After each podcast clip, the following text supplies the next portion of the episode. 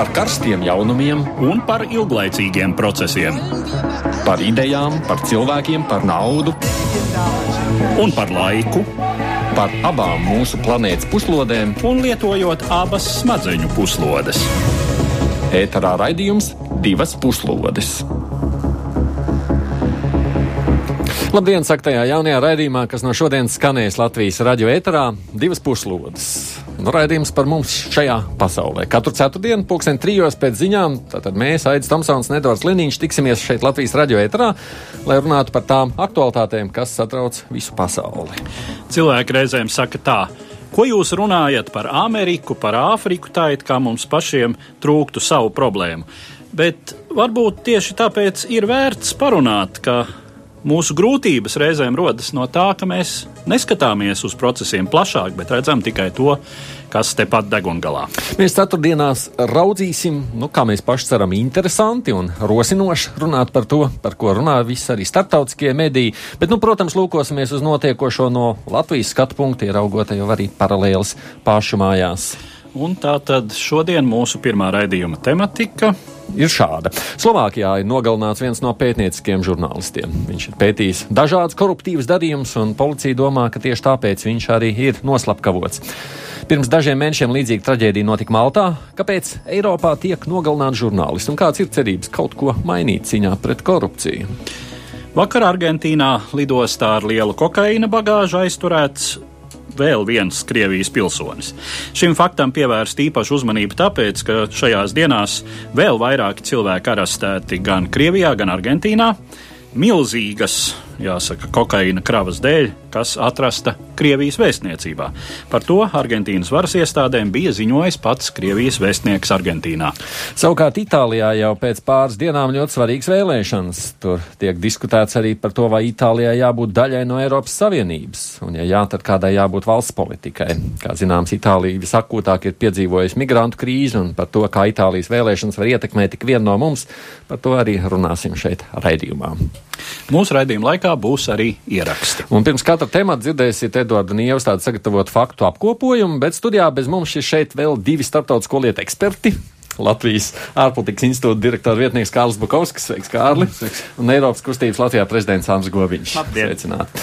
Protams, es saku paldies, ka esat atsaukšies mūsu pirmajam raidījumam. Un vēl viens aspekts. Tie klausītāji, kas lieto Twitteri, jau pirms pāris stundām bija aicināti palīdzēt veidot raidījumu, atbildot uz jautājumu, kāpēc jūsuprāt bieži neizdodas atrast žurnālistu slepkavas. Tas viss ir saistībā ar notikušo Slovākijā. Paldies visiem, kas jau ir nobalsojuši, vēl gan ir dažas minūtes laika balsošanai. Tādēļ tie, kas vēl nav paguvuši, varat, ja vēlaties, tad sameklēt Latvijas radio viens kontu Twitterī, un tajā redzēsiet jautājumu un nobalsojiet par vienu no atbildžu variantiem. Mēs pēc brīža par šo tematu runāsim. Bet nu, pirms mēs sāksim ar pirmo tādu plašāku analīzi, mums katru reizi redzījuma sākumā tāds neliels, dažu interesantu jaunāko ziņu apkopojums. Tās vienmēr nebūs tās pašas, varbūt vissvarīgākās ziņas, bet nu, pasaulē viss, kas notiek.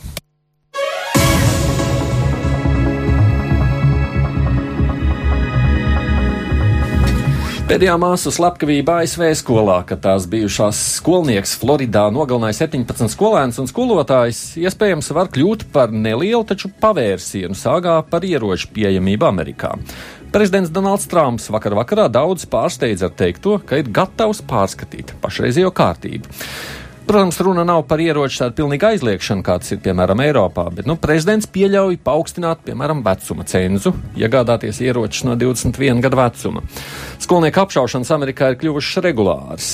Pāris populāri lielveikalu tīkli ir paziņojuši, ka turpmāk vairs nepārdos ieročus, vai arī paši palielinās vecuma cenzu, negaidot likumdevēja prasības. Plašumā vēršas skandāli, kas saistīti ar palīdzības organizāciju darbu dažādās jaunatīstības vai nelaimju postītās valstīs. Tie, kur ir iesaistīti ārvalstu palīdzības tiekšanā, izrādās paralēli labdarības darbam, ir nodarbojušies ar apšaubāmām seksuālām orģijām. Viņi ir uzdzīvojuši ar prostitūtām, reizēm nepilngadīgām prostitūtām, un šķiet donori šos priekus apmaksājuši. Pēdējās ziņas ir arī no Sīrijas, ka pat šajā kara plosītajā valstī ANO un citu labdarības organizāciju darbinieki ir seksuāli izmantojuši vietējās sievietes labdarības pakas, izdalot pret saņemtajiem seksuālajiem pakalpojumiem. Ziemeļkorejas diktators Kims Čenons, kā arī viņa tēvs, savulaik izmantojuši krāpnieciski iegūtas Brazīlijas pases, lai ceļotu par rietumu valstīm, tā ziņo aģentūra Reuters. Aģentūras rīcībā nonākuši šo pasu kopijas. Ziemeļkorejas vēstniecība Brazīlijā komentārus nesniedz, taču Brazīlijas ārlietu ministrija norāda, ka izmeklē šo gadījumu. Ir zināms, ka šīs pases ar viltotiem vārdiem izmantotas vīzu pieteikumiem vismaz divās rietumvalstīs. Vācijas ciematā Herksheimā nolēmts ir saglabāt mantojumu, kāds tam ir kopš nacistu laikiem. Tur vietējā baznīciņā ir baznīcas zvans, uz kur izlietas kāškrusts un uzraksts visi par tēvzemi Adolfu Hitleru. Par šo zvanu daudz pat nezināja, līdz par to pasūdzējās bijušais baznīcas ēģelnieks. Baznīcas padomē bija jālemj, ko darīt, vai zvanu noņemt un likvidēt, vai tomēr nē. Padomu šajā nedēļā ar balsu vairākumu nolēma tos saglabāt kā vēsturisku mantojumu, kurš atgādināšot par tumšajām dienām Vācijas vēsturē. Tiesa publiskajā telpā nereiz izskanējuši aizdomas un pārmetumi, ka šeit varētu būt arī kādas slēptākas noskaņas. Pagājušajā gadā ciemata mēram bija jāatkāpjas pēc tam, kad viņa komentāros daudz saklausīja ne tikai zvana, bet arī nacistiskās ideoloģijas aizstāvību. Un vēl Eiropa ir paralizējusi sals un sniegs. Zvērs no austrumiem, kā mediji nodevējuši šo negaidīto augstumu, ir paņēmis daudz dzīvības un izraisījis neskaitāmas avārijas. Dienvidē Eiropas valstīs, protams, sniegs ir reta parādība, tādēļ vai tā būtu Spānija vai Itālija, sniegs tur rada daudz problēmu. Bet līdzīga situācija ir visā Eiropā. Pat latviešu apdzīvotajā īrijā šodien gaida ne tikai sniegu, kāds nav bijis vairākus gadu desmitus. Sinoptiķi ir izsludinājuši sarkano brīdinājumu pakāpi, un vietējā plašsaziņas līdzekļi vēst, ka daudz vietā ir iztukšot pārtiks veikalu plaukt, traucēt satiksmi, slēgtas skolas. Varas iestādes ir aicinājušas uzņēmējus ļaut saviem darbiniekiem šodien un rīt palikt mājās.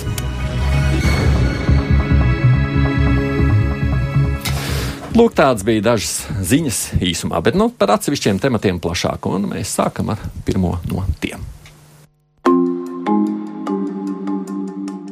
Pagājušajā svētdienā savā mājās nogalinātu atrada slovāku pētniecisko žurnālistu Janu Kuciaku un viņa līgavu Martīnu Kusnīrovu.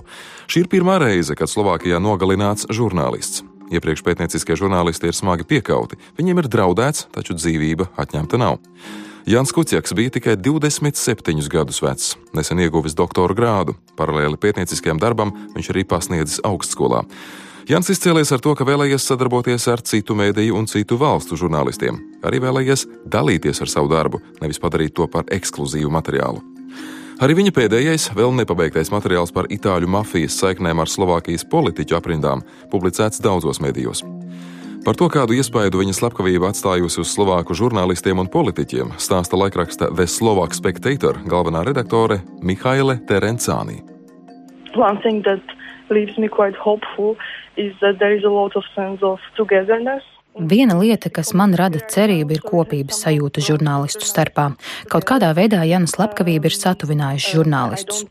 Es neredzu to, ka cilvēki gribētu pamest pētniecisko žurnālistiku tieši pretēji. Instinkts ir turpināt viņu sākto un rūpēties par to, lai pētnieciskā žurnālistika Slovākijā neizzūd. Vakar es arī rakstīju, ka šo laiku var raksturot kā lūzuma punktu Slovākijā, jo tādas ir sajūtas, ka vai nu demokrātija samazināsies un cilvēki, kas varētu būt atbildīgi pat par Jana Kučaka slepkavību, varētu turpināt būt pie varas un žurnālistika kļūtu vājāka, vai arī, un es cenšos būt optimistiski un ceru, ka sabiedrība nāks kopā un ka šai lietai būs pozitīva ietekme un Slovākijas politiskajās rindās notiks attīrīšanās. Es nevaru neko teikt par iespējamām personāla izmaiņām valdībā, jo notikumi vēl attīstās.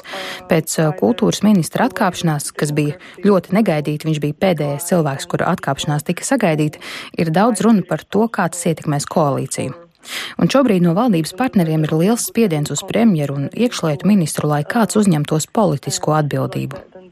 Vakar divi cilvēki, kas strādā ministru kabinetā un ir minēti Jana Kuciaka rakstā, ir atstādināti no amatiem. Runā, ka tas ir noticis tieši pēc koalīcijas partneru spiedienu uz premjeru. Ir grūti teikt, kā tas turpmāk attīstīsies. Neviens šobrīd nevar izslēgt iespēju, ka valdība šo situāciju varētu arī nepārdzīvot. rules out the possibilities that the government might not survive this whole situation as it progresses. We don't know divas puslodes. Atgādījums studijā tātad Andris Goviņš, Kārls Bukovskis un, protams, Edvards Liniņš. Nu, droši vien jāsaka, ja skatāmies no Latvijas viedokļa, paldies Dievam, ka mums vismaz pēdējos gadus noteikti vispār runas par to nav bijušas šādām traģēdijām runājot. Kam vajadzētu vispār sekot tīri politiski pēc tā, kas ir noticis šajās dienās Slovākijā? Es īstenībā gribētu, Edvard, jautāt vispirms tev, ko tu kā žurnālists domā par šo visu? Pirmkārt, dzirdot, ka ir demisionējis kultūras ministrs. Mani tas īpaši nepārsteidz, jo, kā es vairāk kārt esmu teicis, tad demisija uzņemoties politisko atbildību, tas nav tas pats, kas demisija uzņemoties tiešu atbildību par situāciju. Parasti jau, kad notiek kaut kas tik ārkārtējs, nu, nevar saskatīt tiešu kāda politiķa atbildību bieži vien. Nu, teiksim, iekšlietu ministrs nesargā ne cietumus, ne arī izvieto uh, konkrēti pats apsardzi pie kāda žurnālista mājām. Eh, bet eh, demisija, kas signalizē sabiedrībai, ka gan šim politiķim pašam, gan pie varas esošajiem kopumā šī situācija nav pieņemama. Uh, un tādā ziņā tas ir pareizs signāls. Nu, tā pašā laikā kultūras ministrs laikam nav tas viens, kurš būtu svarīgākais visā šajā aspektā. Ņemot vērā, ka tur tie pēdējie pētījumi parādījušies, tur jau vairāk viss velk uz, pieņemsim, premjerministra puses, skatoties uz to no šāda puses. Kā tu vērtē, Andri, to? Būs ļoti interesanti vērot, kā tas uh, turpināsies. Patiešām arī kolēģi jau to teica. Uh, un, um, tas būtu īstenībā demokrātijas spēka apliecinājums, ja premjerministram nākties, nāktos diezgan nopietni trūkties, jo, kā mēs šodien uzzinām, tad raksts, par ko tieši žurnālists, eh, pie kā viņš tieši strādāja un kas varētu tātad būt viens no iemesliem, kāpēc eh, tātad eh, tiem cilvēkiem, kuriem no viņa bija tik ārkārtīgas bailes, ka izvēlējās šādu slepkavības ceļu, tur šī, šī augoņa atzari aiziet līdz pašam premjeru birojām. Viņa uzticības persona, tiešā asistente, uh, tiek aprakstīta kā viena no šīs uh, ļoti tuvu uh, mafiozām šīm struktūrām piesaistīta persona pat savā ziņā kā tādā gandrīz vai koordinējošā lomā. Ja tas tiešām tā ir bijis, nu skatāmies līdzīgus gadījumus Vācijā savulaik bija Brants, kuram spiegs tika atklāts birojā kā viens no padomniekiem, bija spiests atkāpties, atkāpās, arī ne ļoti brīvprātīgi, tur, protams, bija liels sabiedrisks spiediens. Nu, vai ir, šī ir līdzīga situācija, cik spēcīga ir tieši Slovākijas pilsoniskā sabiedrība. Nu, redzēsim, skatīsimies, bet tur ir ārkārtīgi spēcīgi attīrīšanās procesi nepieciešami. Uh, un smags, uh, smags bezsāpīgiem soļiem tur tālāk uh, arī nu, neturpināsies. Šim brīžam Slovākijas valsts vadītājs ir premjerministrs, ir rīkojies tieši tāpat kā pirms dažiem mēnešiem Maltas premjerministrs noliekot uz galda miljonu eiro mm. kā atalgojumu par informāciju, kas palīdzēs noķert slepkavus. Nu, protams, šādi nepalīdzēja. Maltā nepalīdzēja, nu Maltā gan ir uh, arestēti, kā šķiet, izpildītāji, kas ir apsūdzēti, bet uh, tur arī ir lielas šaubas, vai izpildītāji rīkojušies pēc savas iniciatīvas. Ko varbūt vēl drīkst vienu lietu papildināt. Man ir prieks, ka tas arī Slovākijas uh, tiesības sargājošās institūcijas ļoti spēcīgi šķiet strādājam. Tātad šī ļoti valstī būtiskā atdalī, atdalītība starp uh, valdību, parlamentu, tiesību sargājošām struktūrām, ja, tā ļauj un jācer, jāvēl, ka tā arī Slovākijai ļaus patiešām mērtiecīgi, nu, Slovākija lielāka par Maltu, Tur nav tā, ka gluži visi viens otram ir brālēni, māsītes vai, vai kaimiņi. Tātad, šī eh, tiesību sargājošo uh, struktūru uh, Eh, noteiktā rīcība, izmeklēšanas darbs būs profesionāls, kvalitatīvs un ka ķersies arī patiešām eh, tiem cilvēkiem pie krāgas, ja tā drīkst teikt, kas to ir eh, pelnījuši. Es zinu, ka vienmēr jā, jā, jā. arī aizkulišu bīdītāji. Šīs diskusijas mūžīgi nonāk līdz tam sacītēm tajā brīdī, kad pieminēta tā politiskā atbildība sakot, jā, bet jā, mums taču ir jāstrādā, lai atklātu to noziegumu, kāda politiskā atbildība par atkāpšanos, kā tad jā. Nu, jāstrādā, tad... lai, jāstrādā, lai glābtu finanšu sistēmu valstī, to nu. mēs esam Latvijā vairāk kārt dzirdējuši. Eh, ļaujiet strādāt bankai, Jā. lai glābtu situāciju un visi dabūtu atpakaļ ieguldīto naudu un tā tālāk. Ja, nu, tas politiskās sakot, atbildības mēs, aspekts. Mēs vēl šodien runāsim arī par Itāliju diezgan daudz, un, un tas nu ir viens no spilgtākajiem piemēriem visā pēdējā gadsimta Eiropas vēsturē, kur noved situācija, kad īstajiem večiem ļauj strādāt. Tad beigās viņi paliek bez politiskā kapitāla, un sabiedrībai ir jāmeklē gluži citi uh, politiskie figuranti. Kārli, ko tu saki par politiskām sekām, jeb iespējamo atbildību šajā aspektā? Nu, es domāju, ka principā Nu, te ir viena lieta, kas varbūt tās jāsāk demokrātiskā sabiedrība apdomāt. Ka, respektīvi, ja mēs skatāmies uz žurnālistiem, bet no šī gadījumā uz pētnieciskiem žurnālistiem, nevis reportieriem, gluži kā uz šo ceturto varu, un viņi dara darbu, kas ir visai sabiedrībai svarīgs, un ne tikai pats sabiedrībai, bieži vien tas ir pašām tiesību sargājušajām institūcijām svarīgs. Turbūt mums ir vērts sākt apdomāt versiju, ka žurnālisti slepkavība tiek klasificēta tieši tāpat kā policistu slepkavība. Ka šajā gadījumā tas ir daudz smagāks nodarījums nekā, nekā vienkārši parasta. Ko tas palīdzētu? Un ko tas palīdzētu? Nē, nu, principā tieši tas pats, kas attiecās uz policistiem, ka savā veidā tas darbojās kā papildus arguments. Uh, nu, no, noziegums nevis pret individu, bet pret sabiedrību kopumā. Policisti jau labprāt grib atrast tos nu, nu, savējos, jā, bet šitien jau, nu, teiksim, es nezinu, vai policisti uztver žurnālistus par savējiem. Vajad, nu, varētu. No vienas puses jau varētu būt. Runa, runa nav būtiskāk, varbūt es, es pat teiktu, svarīgāk ir, un ka, kur Kārlim bija ļoti interesants punkts, ir, eh, skatīties uz cilvēka veikto funkciju. Tātad, ja tā funkcija, ko viņš veic, varbūt netik dikti atkarīga, vai viņš ir žurnālists, vai viņš ir varbūt pat nevalstiskas organizācijas, pretkorupcijas eh, organizācijas vadītājs, kas atklāja eh, šmuces, eh, zādzības, korupt, korupciju un līdzīgi attiecīgā valstī, tad, teiksim, šādā veidā piesaistot līdzīgu funkciju veikšanu, nu, protams, neviens tur, nu, policijas funkcijas atšķirās daudzos punktos no izmeklējoša žurnālista vai nevalstiskas organizācijas darbības, tomēr ir līdzīgi līdzības tanī, ka šī, šī eh, nozieguma atklāšanas daļa ir līdzīga. Un tādā ziņā, nu, varbūt patiešām tur uh, arī uh, tiesu un sodu mēru ziņā varētu um, nu, piegriezt skrūvīts. Skatāmies šobrīd, man liekas, politiskās partijas krietni uzmanīgāks, no kā viņi pieņem uh, ziedojumus, tāpēc, ka attiecīgi tas ir kvalificēts kā augstāka ranga noziegums, nu, šī pretiesisku ziedojumu pieņemšana. Tā kā nu, noteikti tam vismaz uz tiem aizkulišu darbiniekiem, izpildītājiem tam nebūs liela efekta. Bet tam, kas ir darba devējs, nu, tas varbūt vienu otru tomēr atturēs. Es gribētu atzīmēt arī vēl to momentu, ka ļoti pareizi ir, ka šis materiāls, pie kur žurnālists ir strādājis, un cik tālu tas ir bijis jau tādā uh, žargonā sakot, jēlā, bet tomēr lasāmā, publicējumā līmenī, tūlīt arī parādījās jā. publiskajā telpā. Nu, tas, ko, tas, ko tikko dzirdējām, jā, intervijā mūsu paši kolēģis sacīja par to, ka nu, viņus tas tā kā ir sapurinājis, nevis nobaidījis.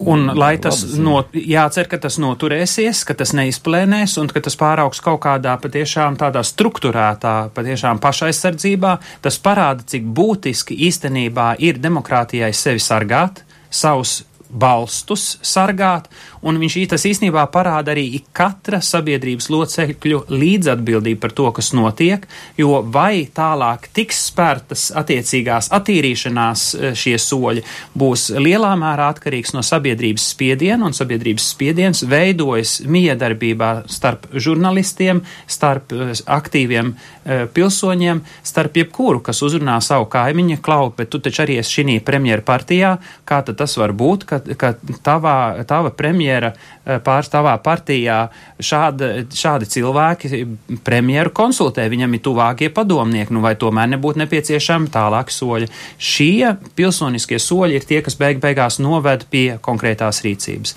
starpības starp Eiropas Savienību un citām drusku lielām uh, austrumu kaimiņu valstīm ir tā, ka mums ir pilsoniska sabiedrība, kas spēj ar brīvu žurnālistu palīdzību savu viedokli paust, kur ir tiesības sargājošās institūcijas, kas izmeklē šīs lietas. Skatāmies uz Krieviju, uz Baltkrieviju, kur pazūd žurnālisti, tiek, nu, ne, nu, žurnālisti uzņēmēji, politiķi, tur tā gandrīz jau ir, ir ikdiena, tā reakcija un tas veids, kā tur notiek uh, darbība pēc šāda nozieguma nozieguma atklāšana ļoti būtiski atšķirās no tā, kas ir eh, Eiropas Savienībā. Jūsu versijas izdosies atrast slepkavas vai nē? Nu, es domāju, ka tiesību sargājušām institūcijām ir jādara, vai šī gadījumā izdosies. Nu, gan jau kāds kaut kur kaut ko var arī dzirdēt. Nu, ir kā, kā kurš gadījums. Parasti jau atklāt tās, tos gadījumus, kad kāds kaut kur ir parunājis, kāds kaut kur ir atstājis kādu, kādu nospiedumu. Te jautājums ir par to, cik profesionāli ir nostrādāts. Ja mūžīgi jau runa tikai par tiem izpildītājiem, vai ne? Mēs pieminējām to stāstu, es arī mēģināju pāris pirms raidījuma pārsaukt atmiņā. Tos izpildītājus jau parasti atrod. Parasti bet līdz tiem pasūtītājiem. Bet tas tas pats jautājums nedomā. ir atkal, nu, čekistu, kas ir spīdzinājis uh, Latvijā, protams, vajag sod, sodīt, vai arī vajag, nu, šim cilvēkam, nu, nākt klājāt, iznākt no tā maisa, tā sakot, jautājums, kas notiek ar visiem kompartijas uh, darba devējiem, jo tas arī šie, nu, savulaik uh, KGB darbi nav notikuši bez ziņas, viņiem ir bijis konkrēts uh, pasūtinātājs.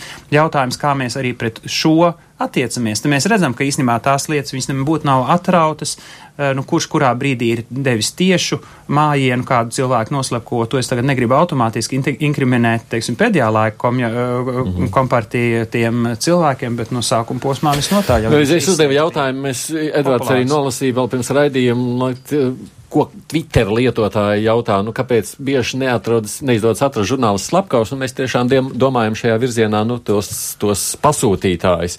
Nu, 67 cilvēki, kas te ir paspējuši tikko nobalsot, saka, ka 78% domā, ka tas ir politiskais jumts. Un tad, un tad uzreiz ir jautājums, cik daudz Krievijas, Krievijā nogalināto žurnālistu pasūtītājs jau ir norādījuši un norāda un turpina norādīt. Jā, bet tā ir tā, ka tā politika, tiešām politika ir tā, kas piesedz, jo nu šajā reizē jau aizdomas, nu, kā mēs runājām, Velkus premjeru biroju. Un tas, tas interesantais ir, kā, kāda veida krāpniecības šis žurnālists izpētīja un atkal ir paralēls, diemžēl šausmīgas paralēls ar Latviju. Skatāmies, ir ļoti dīvainas Eiropas naudu izmantojums, ir ļoti dīvainas citi valstiski un tādi puslegāli zagļi nu, līdz legāliem šī, zagļiem, kur, um, kurā brīdī tas ir bijis. Eh, pievienotās bija... vērtības nodokļa izkrāpšanas schēma, kas vai ir, tās... es saprotu, viens no punktiem šai Slovākijas lietā. Un vai saņem tās 20% var vai nevar pierādīt, nu atkal visi šie jautājumi te nāk eh, un, un sāk kļūt uh, interesanti. Uh, ļoti līdzīga analīze būtu nepieciešama Latvijā, kā pa laimi šeit uh, nav notikušas slepkavības, bet tas nenozīmē, ka šeit nav līdzīgas, nu, līdzīgi tīklojumi, kas cenšas neliederīgi sabiedrībai nevajadzīgās lietās izmantot Eiropas līdzekļu. Nu, tas pats kapu, kad tramvajs tagad runāja, eh, kas ir banku jautājumu kļūs aktuāls, ja, ar putām uz lūpām Rīgas, domā, Rīgas domē deputāti cīnās vēl par šo, šo ne, nu, pašā sabiedrībai nevajadzīgo tramvaju, kas, kas miljonāru pē, pēļņu veicina. Akal jautājums tātad ļoti liels, 100 miljonus eiro jautājums, kur viņi aiziet, kāda, cik godprātīgi, kurā brīdī e, ir, e, ir šī, šī e, naudu piesaist izmantošana bijusi plānot. Droši vien neko nepierādīs, ja, bet tas nenozīmē, ka tā ir bijusi kolosāli vislabākā lēmuma metodika. Bijusi. Un žurnālistu slepkavošana tā jau ir tāda ekstrēma cīņas izpausme. Um, pie kuras tiešām ķeras uh, uz pirkstiem skaitām ļaudis ir ķērušies Eiropā pēdējā laikā. Bet uh, daudz biežāk žurnālistus. Nu, iesūdz tiesā. Ko tu teiksi? Es, es, es nedaudz labošu. Cilvēks slepkavošana kā tāda ir diezgan ekstrēma padarīšana. Piekrīt. No, uh, bet uh, daudz biežāk žurnālistus iesūdz un jā. cietusī puse uzvar prāvās. Kā nu pat nu, mazliet no citas operas, bet uh, ne žurnālists, bet vēsturnieks, kurš ir atļāvies vienu savulaik padomju milicijas darbinieku nosaukt publiski par nodēvēt par kolaborantu. Nu, pat viņam ir piespriesti 2000 par goda laupīšanu šīs personas ģimenei. Uh, tā tad arī šeit ir ļoti svarīga sabiedrības attieksme. Gadījumos, kad žurnālistu, žurnālistam mē, mēģina aizbāzt muti, uz apsūdzēto soli. Mums jau par korupciju varētu īpaši plaši runāt. Stāsts par Rumāniju vien būtu viens atsevišķs notikums, par ko vajadzētu varbūt iespējams pievērsties kādā no tematiem, bet es neatļaujoties uz Rumāniju, drīzāk pāriet uz to nākušo tematu vēl viens šīs, te, uh, nu, tā saistība ar mūsu, mēs par Itāliju tolīt runāsim, ir tātad, tas Slovāk kolēģis ir pētījis saistību ar Itālijas mafiju. Un es domāju, nu, mēs tādu atceramies veco astoņkāju seno filmu un to visu no, kas Jā. daudzām. Mums jāsāk baidīties par slepkavām no citām valstīm, no Itālijas, no, no, vai tiešām te varētu Šajā būt jau gadījumā, vai ka mums viņi nav bijuši atkal no citām, nu, jā, ne, ne, no... ne jau no Itālijas, bet, jā. nu, man liekas, tās vismaz aizdomu ēnas jau, man liekas, ir šādi tad vairāk uz austrumu pusi. Uh, bet, nu, es atceros šis sprādziens uh, centrālajā universālajā veikalā pirms daudziem, daudziem gadiem, kas, manuprāt, tā arī netika pārliecinoši atklāts. Nu, tur bija tā kā runa par čečenu, pēd, čečenu pēdām -hmm. tajā laikā. Atsakot, viņiem itāļi, mums te citi Apmēram tā. Nu, un jautājums ir tas, un, un tas, man liekas, ir tas kopīgais, svarīgais jautājums, kas ir jārisina. Ko mēs kā sabiedrība, cik daudz mēs aizveram acis? Slovāki tagad saka, labi, mēs esam atmodušies, bet cik ilgi mēs paturam acis vaļā Slovākijā vai arī mēs šeit Latvijā un ko mēs darām preventīvi, lai šādas šausmas vispārīgi nenotiktu. Slovākija nav tā valsts, kuru ļoti plaši uzskatītu par ma mafiozu caurvītu biežāk šīs eh, lietas minētu par Latviju, vēl jau vairāk šī Itālijas mafiozās struktūras, kas, protams, visām tām pašām Eiropas eh, naudu krāpšanām, nu, Sicīlijā tur tas ir pilnīgi ar atkritumu biznesu, nu, tur, cik tur ir viss kaut kas jau izpētīts un, un atklāts, nu, viņi izvēršās tagad plašāk eh, Eiropas saimnībā. Bet ko mēs Latvijā darīsim kā sabiedrība, lai attīrītos preventīvā ziņā šiem potenciāliem darba, nu, šādas slepkavības pasūtinātājiem, to motivāciju mazinātu. Un to mēs varam ar, ar politisku spiedienu, prasībām, nepievērot acis tam, kas zog un atmet kaut kādu grasītu, varbūt tās sabiedrībai vai citiem. Un arī kritiski skatoties uz lietām, to, no kurienes, eh, piedodiet, kritiski skatoties uz to, no kurienes nāk šī nauda. Jo, nu, es saprotu, ka arī Tieši Slovākijas stāsts tātad no Kalabrijas eh, ļaudis ar pamatīgiem čemodāniem un investori, kuri uh, ir gatavi lūk ieguldīt, nu, tas ir lauksaimniecība, lauksaimnieciskās ražošanas bizness, tātad kaut kas tāds visai pastorāls.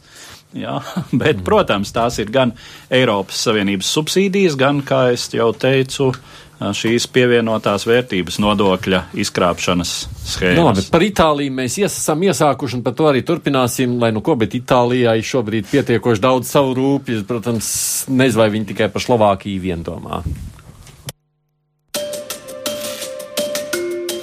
Otrā pasaules kara beigas Itālija sagaidīja kā frontes līnijas šķērsota valsts. Kara noslēgumā itālieši brutāli izreikņājās ar vēl nesen dievināto fašistu vadoni Musolīnī un 1946. gada referendumā atteicās arī no monarhijas, kas bija sevi diskreditējusi partnerībā ar fašistu diktatūru. Itālijas republika bija neatņemama pēckars Eiropas integrācijas procesa dalībniece un viena no Eiropas Savienības dibinātāju valstīm. Itālieši īstenoja savu ekonomisko brīnumu, strauju izaugsmi 50. gados. Tā turpinājās kā stabila attīstība arī 60. gados, padarot līdz tam lielā mērā agrāro zemi par vienu no pasaules ekonomikas gigantiem. Itālija bija vienīgā no Dienvidē Eiropas valstīm, kas visā pēckara periodā saglabāja demokrātiju. Tomēr Apenīnu puselās politiskā ainava pagājušā gadsimta otrajā pusē nebūtu nebija pastāvīgi saulaina. Jau kopš pretošanās kustības laikiem Itālijā liela ietekme bija komunistiskai partijai. Attiecīgi, Itālijas politisko dienas kārtību lielā mērā noteica vēlme nepieļaut komunistu nonākšanu pie varas, un visā augstākā kara posmā Itālijas varas virsotnē nemainīgi atradās centriskā kristīgo demokrātu partija, bez kuras līdzdalības neiztika neviens ministru kabinets. Lai gan no 60. gadu vidus valdošajās koalīcijās tika iesaistīti arī sociālisti un citas mēreni kreisās partijas, tomēr pirmais premjers ne no Kristīgo demokrātu partijas stājās amatā tikai 80. gadu sākumā. Sevišķi vētraini Itālijā pagāja 70. gadi, kad ekonomiskā izaugsme apsīga un sākās streiki. Reizēm to devē par svina desmitgadi, jo valsts piedzīvoja ideoloģiski motivēta terorisma vilni, kurā iesaistījās kā labēji ekstrēmisti, neofašistu grupas, tā arī kreisie sarkanās brigādes. Dienvidos varas iestādēm nācās pastāvīgi cīnīties ar reģionālām noziedzīgajām organizācijām, tradicionāli dēvētām Sicīlijas nogrupējumu vārdā par mafiju. Tomēr īstu politisku zemestrīci Itālija piedzīvoja 90. gadu sākumā, kad sociālistu politiķa Mario Kiezes arests aizsāka veselu virkni prāvu, kas atklāja, ka korupcija, publisku līdzekļu piesavināšanās un izvairīšanās no nodokļu nomaksas skārusi ārkārtīgi plašas politiķu aprindas. Procesos izrādījās iesaistīti vairāki simti uzņēmēju, desmitiem policijas virsnieku un tiesas varas pārstāvi. Procesu laikā notika vairāku politiķu un rūpnieku pašnāvības. Bijušais premjers sociālists Betino Kraksī bēga no valsts un mūža atlikušo daļu pavadīt rindā Tunisijā.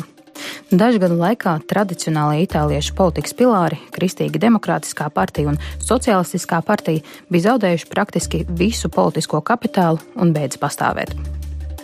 Pārmaiņas politiskajā spektrā bija tik radikāls, ka laiks pēc 1994. gada patiek dēvēts par Otro republiku, lai gan valsts konstitucionālie pamati nav mainījušies. Tikai vispārējais komunismu ideja popularitātes zudums līdz ar padomu sistēmas sabrukumu liedza radušos politisko vakumu aizpildīt komunistiem. Tomēr būtiski pieauga galēji labējo, eiroskeptiķu un populistu ietekme. Pēdējo ceturdaļu gadsimtu Itālijas varas virsotnē atradušās visai fragmentētas koalīcijas. Ilgāki bijuši kreiso centristu varas periodi, taču vairāk kārtos pārtraukuši labējo, kuru nemainīgs līderis ir mediju magnāts Silvio Berlusconi. Arī šajās vēlēšanās viņu vadītajai koalīcijai ir nopietnas ambīcijas pārtraukt kopš 2013. gada ilgušo kreiso varas periodu. Bet, kā liecina aptaujas, lielu tiesu kreisiem zudušā politiskā kapitāla piesavinājušies komiķa Bepes Grillo piedzvaigžņu kustība. Tradicionālajos politiskajos terminos grūti definējams spēks.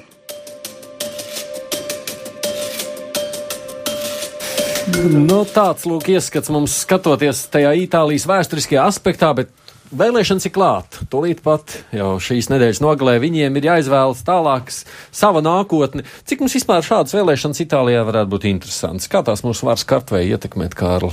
Es teiktu, ka šis ir paraugs tam, kā visās demokrātiskajās valstīs turpmāk arī notiksies vēlēšanas. Uh mhm. -huh. Tas ir principā tendence, kas jau bija aizsākusies, un tagad viņi acīm redzot turpinās. Vienkārši Itālijas gadījumā viņi ir visvairāk ekstrapolēti. Tas ir tas stāsts par to, ka šis te populisms formā un arī saturā. Jautājums ir par to, cik daudz saturs ir jau. Bet formā viņš turpinās. Tas ir vienīgais veids, kā mūsdienu pasaulē, principā, partijām izdzīvot. Kas ir populisms formā? Nu, Tanī, tanī veidā, kā tiek ķerti visi pēc kārtas, šis tā kā čolisms tā saucamais, ka vajag uzrunāt pilnīgi visi cilvēki pēc kārtas, jeb kādā veidā bieži vien nonākot pretrunā vienam ar otru. Redz, tā situācija ir kāda. Tā tradicionālā partijas sistēma, kas ir pastāvējusi tehnoloģija attīstības rezultātā, ir principā zaudējusi savu jēgu. Mums vairs nav vajadzīgs partijas, masveida partijas, lai mobilizētu no. vēlētāju. Mums vairs nav vajadzīgs ekonomisks politiskās ideoloģijas, lai mobilizētu vēlētāju, lai it kā visi būtu vienā līnijā. Mums šī gadījumā ir pavisam cita domāšanas veids, pavisam cits uh, cilvēciskās uh, interakcijas veids, un YouTube, Facebook. Uh, televīzijas, Twitter ziņas, kaut kas tamlīdzīgs. Tas viss ir sporādisks, kas ļauj īstenībā politiķiem ļoti ātri, nu, mēs to pašu kaimiņu gadījumu atceramies. Pietika ar vienu interviju, lai tiktu iekšā saimā un paņemtu vēl līdzi vairākus cilvēkus. Te izstāsts par to, ka šis pats ir tieši tas pats noticis ar Makronu, tieši tas pats ir noticis ar Trumpu, tieši tas pats ir noticis arī uh, būtu noticis ar Šulcu, ja viņš būtu tādā veidā rīkojies, bet viņš tā nerīkojas, viņš paļāvās uz klasisko pieeju. Un šobrīd tas, kas ir ar Bepe Griljo, ir tieši tas pats variants bijis. Neskatoties pat uz viņa atkāpšanos, viņš ir īstenībā tas ir Piecu zvaigžņu kustība man ļoti patīk. Tas uh, tradicionālajos konceptos neiekļaujas, nekonvencionālais. Tikai tāpēc, ka tur patiešām mēs varētu, es pieļauju, atsevišķu raidījumu veltīt tikai, lai parunātu par to, cik viņi patiešām ir interesanti pēc savas būtības. Tikai tāpēc, ka viņi lielā mērā personificē visu šo te atteikšanos no klasiskās politikas. Viņi ir atteik, viņi principā iet, cilvēks vairs neinteresē, kuru kapitālismu sistēmu mums būs. Mēs runājam par, nu, 50 kapitālismu nokrāsām šobrīd. Vai mums importēt vairāk, eksportēt mazāk? Veidā, kur mums aizsargāt, kur nē, kā palielināt algu, kā nē. Tas ir jautājums par kapitālismu regulēšanu. Tā ir diskusija starp neoliberāļiem un keynesiānistiem, tā ir diskusija starp sociāldemokrātiem un, un, un, un labējiem. Rezultātā tas jau, tas principā jau vairs nav jautājums par to ģenerālās pozīcijas skatījums. Es klausoties tevī saprotu vienkārši hauss, viss, neko vairāk Nē, nav hauss. Tur ir tā lieta, jā, ka mūsdienu vēlētājs īsti vairs nav gatavs sevi identificēt ar tradicionālajām politiskajām jā, kategorijām. Jā tas ir ļoti saprotams, jo mums jau arī vairs nav tādas strādniecības, kura varētu sevi identificēt ar sociālu demokrātiju vai kaut vai komunistiem. Mums nav tādu lauku sīk, sīk zemnieku tādā daudzumā, kuri varētu identificēties, teiksim, ar jaunsaimnieku partiju, kā pirmskar Latvijā, vai kaut vai ar Latviešu zemnieku savienību. Jā, mums vēl ir tie, kur identificē sevi kā latviešus vai krievus. To mēs vēl jūtam mūsu politiskajā spektrā. Bet uh, tas jau arī pamazām. Bet... Tomēr integrācijas procesam ejot uz priekšu mainās, un jā, cilvēks sevi drīzāk identificē kā facebookistu, uh, Twitteristu vai, vai draugu lietotāju. Ja? Bet klausoties šajā vēsturiskajā apskatā, nu, tur jau arī tās, nu, tās vēst, nu, pieminētā Vācijas, tās vēsturiskās saknes, man liekas, Itālijā ir vājākas. Tur jau, iesti, jau stāsts iepriekš par Berlusconi jau ir, nu, nav jau bijis. Jā, Berlusconi, Berlusconi ir bijis klasisks populists, jebkurā no, formā, un viņš ir. Tas jau viss jau iepriekšējos gadus, vēl pirms Twittera. Nē, nu, principā, ja mēs paskatāmies to, kā viņš ir veidojis tos pašus viņa kontrolētos mēdījus, kā viņš ir savu jā, personu jā. veidojis, savu personības kultu, kā viņš ir ļoti veikli sācis izmantot jebkuru moderno tehnoloģiju. Un viņš joprojām ir, joprojām ir. Un viņš ir, jā. viņš šī gadījumā ir paraugs tam, ka šī te sistēma viņa darbojās, ka neviens vairs negaida partijas funkcionārus, neviens negrib vērlēt par partiju funkcionāriem pelākos. Mums uzvaldu. vispār Itālija gaida pie klausulas, tāpēc varbūt es pirms dodu Andrim vārdu, domāju, izmantojam to iespēju parunāties ar cilvēku, kurš neapšaubās neapšaubām ir ļoti cieši saistīts ar Itāliju. Es aizmirstu vārdu un uzvārdu, kurus esmu sazvanījis. Man lapiņa palika. Halo, jūs man dzirdat? Neapšaubām. Jā, labdien, es esmu Ilze. Ilze, o tādo no. Tikai trešo gadu Itālijā. Tikai trešo gadu Itālijā, bet ļoti labi, es sapratu, Sicīlijas pusē esat tālāk, vai ne? Tajā galā. Uh, nu, tur es esmu kopš novembra, jā, un Sicīlijā, es diemžēl nedzirdēju visu jūsu diskusiju. Sicīlijā tik tiešām šis Berlusconi kults izpaudās, jo reģionālajās vēlēšanās novembrī viņa partija partija viņa vi, uzvarēja, neskatoties, uh, kā saka, nu, ne, ne milzīgu pārsvaru, bet tomēr uzvarēja, un tur tas īstenojās. Redzēs, kā būs svētdien pārējai Itālijai vēlot lielo parlamentu. Bet kāda, jūs, kā, kāda ir tā noskaņa, nu, ko jūs jaušat, runājoties, nezinu, uz ielām vai kaut kā cilvēkiem? Nu, tas, ko es visvairāk zinu, ir mana vīra, viņam tuvu stāvošu un tam līdzīgi cilvēku viedoklis, jo latvieši, ar latviešiem, tad, kad mēs satiekamies, mēs par politiku nerunājam, un lielākā daļa meiteņu ir eh, arī nav nemaz pilsonis, lai viņām tas būtu ļoti aktuāli. Uh, un, nu, laikam ir tā, ka ir tie, es lielos vilcienos redzu gandrīz to pašu, ko Latvijā var redzēt tikai daudz mazākos mērogos, ka ir tie konservatīvie, kuri balso uh, vienalga, kāpēc, bet balso par to pašu Berluskoni, tāpēc, ka viņš sola, tagad ir atkal uh, pensionāriem sasolītas pensijas, un ļoti ticami, ka viņi daudzi par viņu nobalsos, jo desmit gadus pensijas ir bijušas iesaldētas. Tikko uh, avīzē redzēju, ka, piemēram, jaunieši, kuri studē Turīnā, uh, neredz jēgu nekam un nebrauks uz savām vietām, jo jābalso pēc pierakstā balsot. Un, nu, tie, kas ir tādi domājoši, analizējuši, vismaz man tuvumā, tomēr ir par to piecu zvaigžņu kustību, uh, lai nu, ar cerībām, ka kaut kas varētu mainīties. Ja, ar cerībām, ja, tāpēc, ka lai kaut kas mainītos, nu tieši tā, jā. Jā, jā, nu tikpat, tikpat, jā, es pat no viena par. Ko vajadzētu mainīt? Ja es varētu pajautāt, nu kas ir tās cerības, ko gribētos, lai citādi, kas? Oh, nu man liekas, uh, ka tas pats lielākais ir tāda. Uh, pat nevar, ne, tur, tur katram noteikti ir savas domas. Tas, ko, ko es redzu, vismaz uh, Sicīlijā, varbūt Ziemeļitālijā mazāk tas izpaužās, kuras biju līdz šim, uh, nu, tāda draugu būšana ja, vis, vis, visos līmeņos. Tāda, un tajā pašā laikā tiem, kam tā ir izdevīga, tomēr ir izdevīgi balsot par vecajiem, tāpēc rezultāts bija tāds, kāds bija. Var sakot, lai nebūtu tā draugu būšana, kas, kas nu, palīdz, jā? Būšana, korupcija, tās politiskās intrigas, kuras, jo, jo tagad arī pret, kā, kā jau jūs pieminējāt, ka Berluskoni ir lieli mēdīji un ne tikai, ne tikai viņam ir pieejami lieli mēdīji, tad tūliņās pie katras izdevības citas partijas, kuras viņi jūt kā konkurentus, viņi no nomelno un tā, nu, kā saka, katrs nieks tiek uzpūsts vislielākajā mērogā. Arī tajās pilsētās, kur, kur teiksim, tās piecas zvaigznes ir mēru, mēra amatos tikušas, Romā vai Turīnā, kad kaut kas netik labs notiek, ka tuliņos. Mm -hmm, tā pie lielā zvana, nu tā.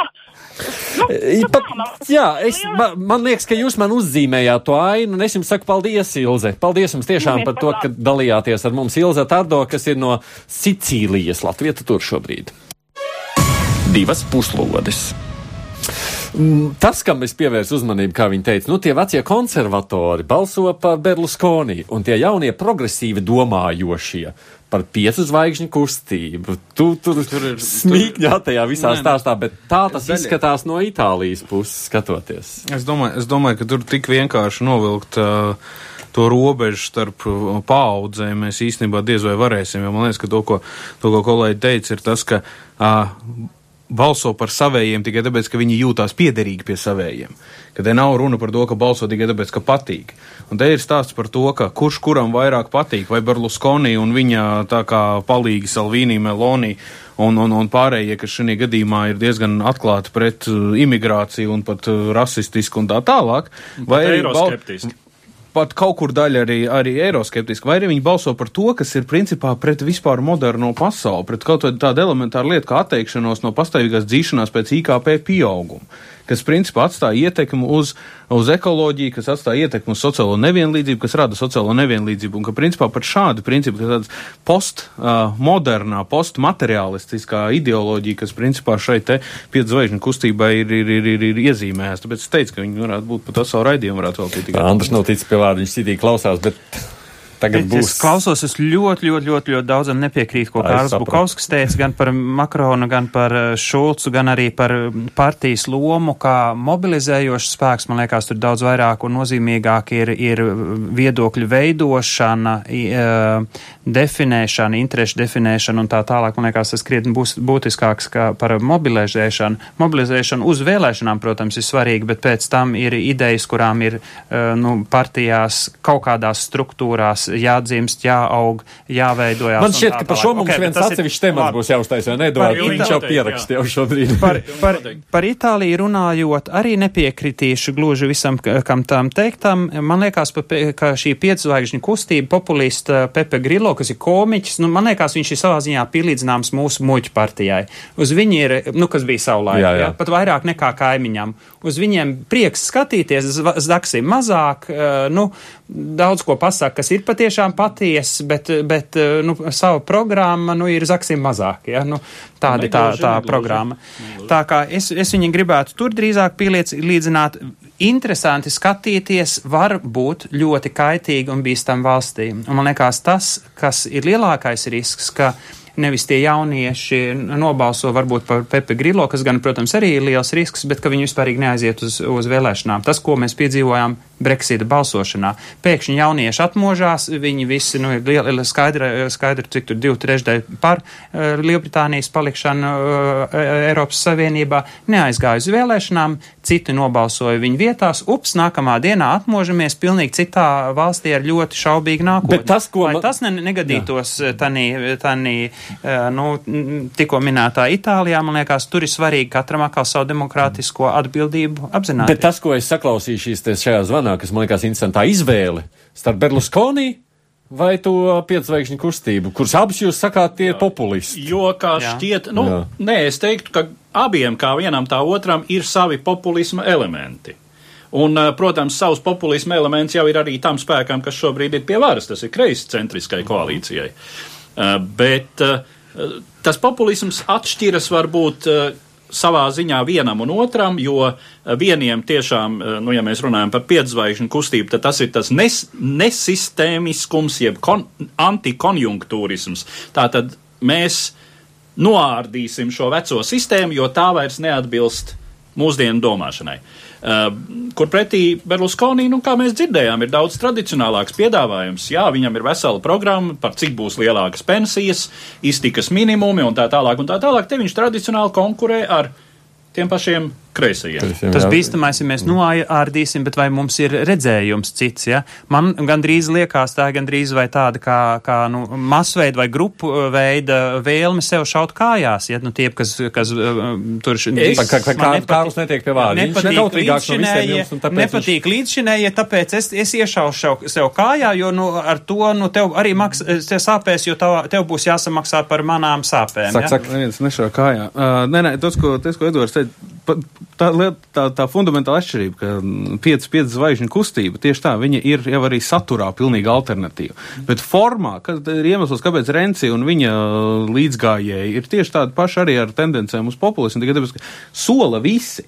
Bet svarīgākais ir par to, mm. kā sola tā forma, kā tiek solīts. Tas ir tas, ko es nu, kas arī varbūt jāmācās. Jā. Man Anstraks šādi Itālijā ir ļoti vāja demokrātijas pamata atšķirībā no Vācijas vai Lielbritānijas. Un tāpat kā Latvijā nav labi nostrādāt partiju staigāšanu un nevar saprast, ja kāds aiziet no vienas partijas uz otru, vai šāds staigons vēl drīkst pastāvēt, pārstāvēt vēlētājs vai nē.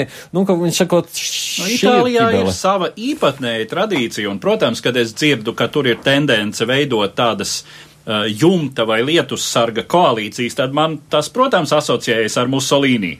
un vispār klasisko mm. fašismu, kas arī ietver sevi visu, ko sabiedrība vispār no varas varētu vēlēties. Bet, kas attiec vēlreiz uz piedzvaigžņu kustību, no nu, es gribētu šeit iemest tādu tālu, ļoti plašu analoģiju, bet pirms 500 gadiem Eiropa piedzīvoja grandiozu pavērsienu, ko mēs pazīstam kā reformācija, kas balstījās lielā mērā arī tehnoloģijā, proti bija izgudrota drukas mašīna, un to runājot par reformāciju atzīst ka tā nebūtu visdrīzāk notikusi, ja nebūtu Gutenberga izgudrojumu. Šodien mums pastāv sociālie tīkli, kuru iespaidu mēs īsti vēl neapzināmies. Un, teiksim, ar ko man ir simpātiska šī piedzvaigžņu kustība, ka viņi savā programmā mēģina nu, teiksim tā, tieši adresēt jautājumu, nevis izmanto, kā mēs vecajai, vecajiem politiskajiem uzstādījumiem izmantosim jaunās tehnoloģijas, bet nē, mums ir jāveido jauna tipa politiska kustība, nu, partija, ja vēlaties, ja, kas apzinās to jauno informācijas aprites un informācijas uztveres realitāti. Es saprotu, es zinu, ka jūs varat, par Itāliju īstenībā jau vēl runās, tāpēc, ka vēlēšanas tikai priekšā un būs, bet gribas tomēr pieskarties trešam temam. Es noreklamēju trīs tematus šodien, un mēs Jā. par diviem esam visu stundu gadījis norunājuši. Viena doma par Itāliju var pateikt, kāpēc visi saka, cik interesanti, ka mēs nezinām, kāda būs rezultāta. Lieta, kas Latvijai varētu noderēt. Pēdējās divas eh, nedēļas pirms vēlēšanām nedrīkst publiskot sociālos pētījumus. Man liekas ļoti interesanti, līdzīgi kā TV reklāmas Latvijā aizliedz. Man liekas, tas būtu interesanti, lai varbūt pārāk nu, neietekmētu cilvēku. Ah, par divām vēl valstīm, citām, nu tāda saudabīga valsts tandēma maziņš ievads tikai.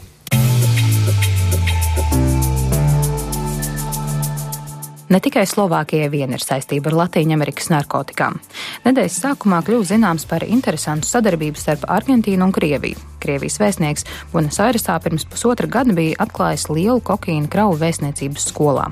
Viņš par to ziņoja tiesības sargājošām iestādēm, un tālāk jau īpašā operācijā tika nolemts izsekot, kas ar šo kravu notiek tālāk.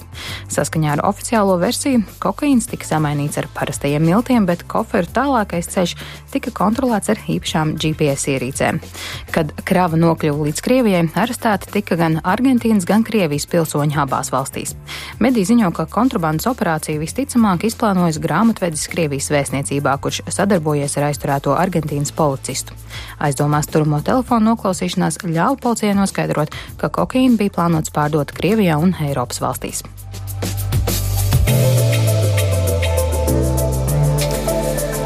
Vēl vispār kāds atcerās, ir bijis tāds līdzīgs skandāls, ja, kur vēstniecības nu, tādā veidā iesaistīts un valsts sadarbības nu, droši vien, ka ir bijis. Ne? ir bijis tas, cik tur desmitiem tonnas alkohola, ko tur kāds tur biznesa nolūkos ir, kā diplomātisko savu bagāžu ir deklarējis, tā, tādas lietas ir bijušas ar narkotikām, neatminos personīgi, bet, nu, nu ja tur ir, nu, līdzīga, līdzīga dabas lietas nav svešas, parasti izceļās. Uh, tādu valstu uh, diplomāti, kas ir tādi, nu, Nu, parasti ne, nav OECD uh, dalībvalsts. tu domā, kā vajag pateikt par Krieviju tagad? Jā, jā par Kārlu, Kārlu, par Kārls, tad krats galvu. Protams, ka te varbūt tās negluži narkotika gadījumi, bet tā, ka tiek diplomātiskās imunitātes un diplomātiskie kanāli tiek izmantot dažna dažādāko noziegumu vai naudas jā. Pārvešanai vai mums pašiem runājot par nebūšanu OECD, mums pašiem nepilni. Viņš vairāk kā desmit gadu atpakaļ bija viens gadījums, kad arī Baltkrievijā ļoti nesmuki ka uzvedās diplomāts. À, tas, jā. Un uh, rezultātā šīs, te, šīs te lietas, diemžēl, nu, nekādīgi nevar, bet, nu, par vēstniecību, par šo te teritoriju atbildīgs ir tikai un vienīgi vēstnieks. Tā ir viņa prerogatīva, tā ir viņa tiesība, tas ir, tā ir viņa mazā karalista. Līdz ar to, ja viņš nav izsakojis līdz tam, ka grāmatvedis kaut kur pazūd pa naktīm vai vēl kaut kā skatās un ved iekšā milzīgas pakas ar karājumiem vai kaut ko tam līdzīgu, tad ir jautājums, ko tad mirklī vēstnieks ir darījis. Nu, tāds iznāk, ka viņš pats vainīgs atrada, vai ne? nu, taisnība sakot, tas ir tas interesantākais šajā stāstā, un tā pikantākā detaļa ir tomēr tie 390 kg. Kas ir 11 čemodāni, kuri bija jāatnes šim grāmatvedim, jānoliek. Uh, un, uh, nu, un tad ir jautājums, kas arī ir uzpeldējis, kā tad šīs, šie mil, nu jau milti nonāca Krievijā, un uh, kā izskatās, tad argentīnieši apgalvo, ka vesti tomēr ir ar ne vairāk, ne mazāk kā Nikolai Patruševa, Krievijas valsts drošības padomus priekšsēdētāja speciālo lidmašīnu, ko savukārt Krievijas puse noliedz un raksta, ka tas borta numurs ir piemontēts un tā tālāk un tā tālāk. Tur jau ir zināms strīdiņš. Nu, līdz ar to ir daudz detaļu, kuras vedina domāt, ka tas varētu nebūt. Tikai grāmatvedis, policists un tad pāris cilvēki Krievijā un vēl kāds Krievu izcelsmes Vācijas iedzīvotājs, kurš Tagad nu ir nācis klajā ar apgalvojumu, ka tā ir, jā, tie čemodāni ir viņa, bet aiz čemodānos bija sākotnēji absolūti aizkustinošs džentlmeņa komplekts, kafija, cigāri un konjaks, kas var būt labāks par šo. Bet, kad šie čemodāni ieradās Maskavā, tad tur bija raidītāji un milti, kurus tur acīm redzot ir ielikuši ļaunie ASV spēcdienesti vēloties diskreditēt visus, sākot ar viņu un beidzot, protams, ar uh, Patruševu kungu un, protams, arī prezidentu Putinu. Bet no otras puses, tas ir tomēr nu, diplomātijā diezgan tāds, nu, nezinu, to, to var saukt par skandālu. Protams. Tas ir absolūts skandāls.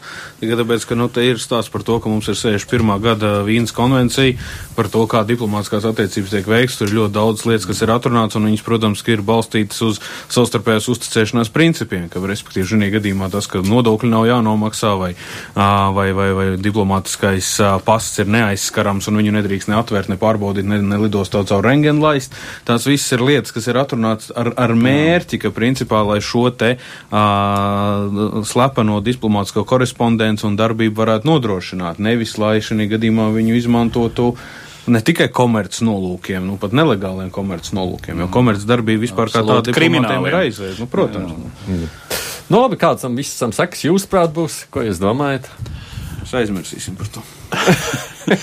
Sorry, piedod, ciniski. Nē, nē, visdrīzāk jau jā, jo nu, nu, Krievija tad... savu pozīciju ir demonstrējusi. Nu, tā tad atkal, Pietrūks protams, kas noķerti, kuri ne, neļaus kas noķerti, tie droši vien sēdēs. Nu, vēl jau ir šai stāstā motīvs par interesantiem nāves gadījumiem. Krievijas diplomātiskajā dienestā, kas ap to laiku, kad šī krava tika vēl Argentīnā atklāta, uh, Uh, nu, un, un nu pat šodien lasīju um, Krievijas, uh, Krievijas um, ārlietu ministrijas šķiet uh, oficiālās pārstāves Twitter kontā Krievu diplomātu sievu. Lietotājs Krievu diplomātu sievas bija ierakstījušas, ka mūsu vīri mira pildot pienākumu pret valsti, nevis kā te daži stāsta no pārdozēšanas. Ja tu pusminūtē var iekļauties, Andri. Es teiktu, ka nu, šitas ātri, šī tēma ātri noslēgsies, Jā. bet kam būtu vērts pievērsties ir legālām narkotikām, kas no Krievijas valsts tiek pludināti iekšā Latvijā, propagandas ceļā, spiegu ziņā. Uh, visā pārējā. Bieži, bieži vien pat ar valsts atbalstu, kā mēs to redzam, piemēram, Latvijas kas valstī pieder, pārraida Krievijas propagandas šos, šos kanālus. Tas būtu daudz būtiskāk sarunu vērts. Un nu, pret to tas, mēs varam vērsties ar zināšanām. Tas un pozitīvā nots, lai būtu jā. varbūt tādus pozitīvus nots ne, beigt. Andrs Gobiņš, kurš ir Eiropas kustības Latvijā prezidents, arī beidz. Neļaus uz labo. Ārpolitikas institūta direktora vietnieks Kārlis Bukovskis, Edvards Liniņš arī šeit. Mēs divās puslodēs atkal tiksimies pēc nedēļas.